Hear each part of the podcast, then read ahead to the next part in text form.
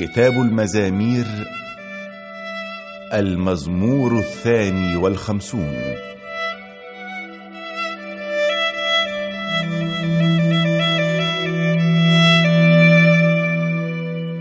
لماذا تفتخر بالشر طول اليوم أيها الجبار؟ حقير أنت في نظر الله تدبر الهلاك. لسانك الماكر حاد كالموسى. أحببت الشر أكثر من الخير والكذب أكثر من الصدق.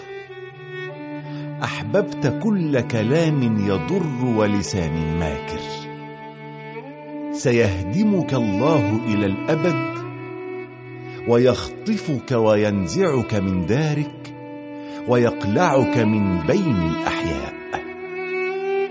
فيرى الصالحون ذلك ويخافون ثم يضحكون عليك ويقولون انظروا الرجل الذي لم يتوكل على الله بل اتكل على غناه وتقوى بشره.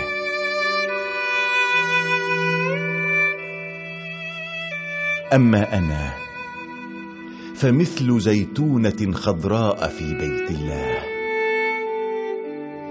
توكلت على رحمة الله إلى أبد الآبدين. أحمدك إلى الأبد على ما فعلت.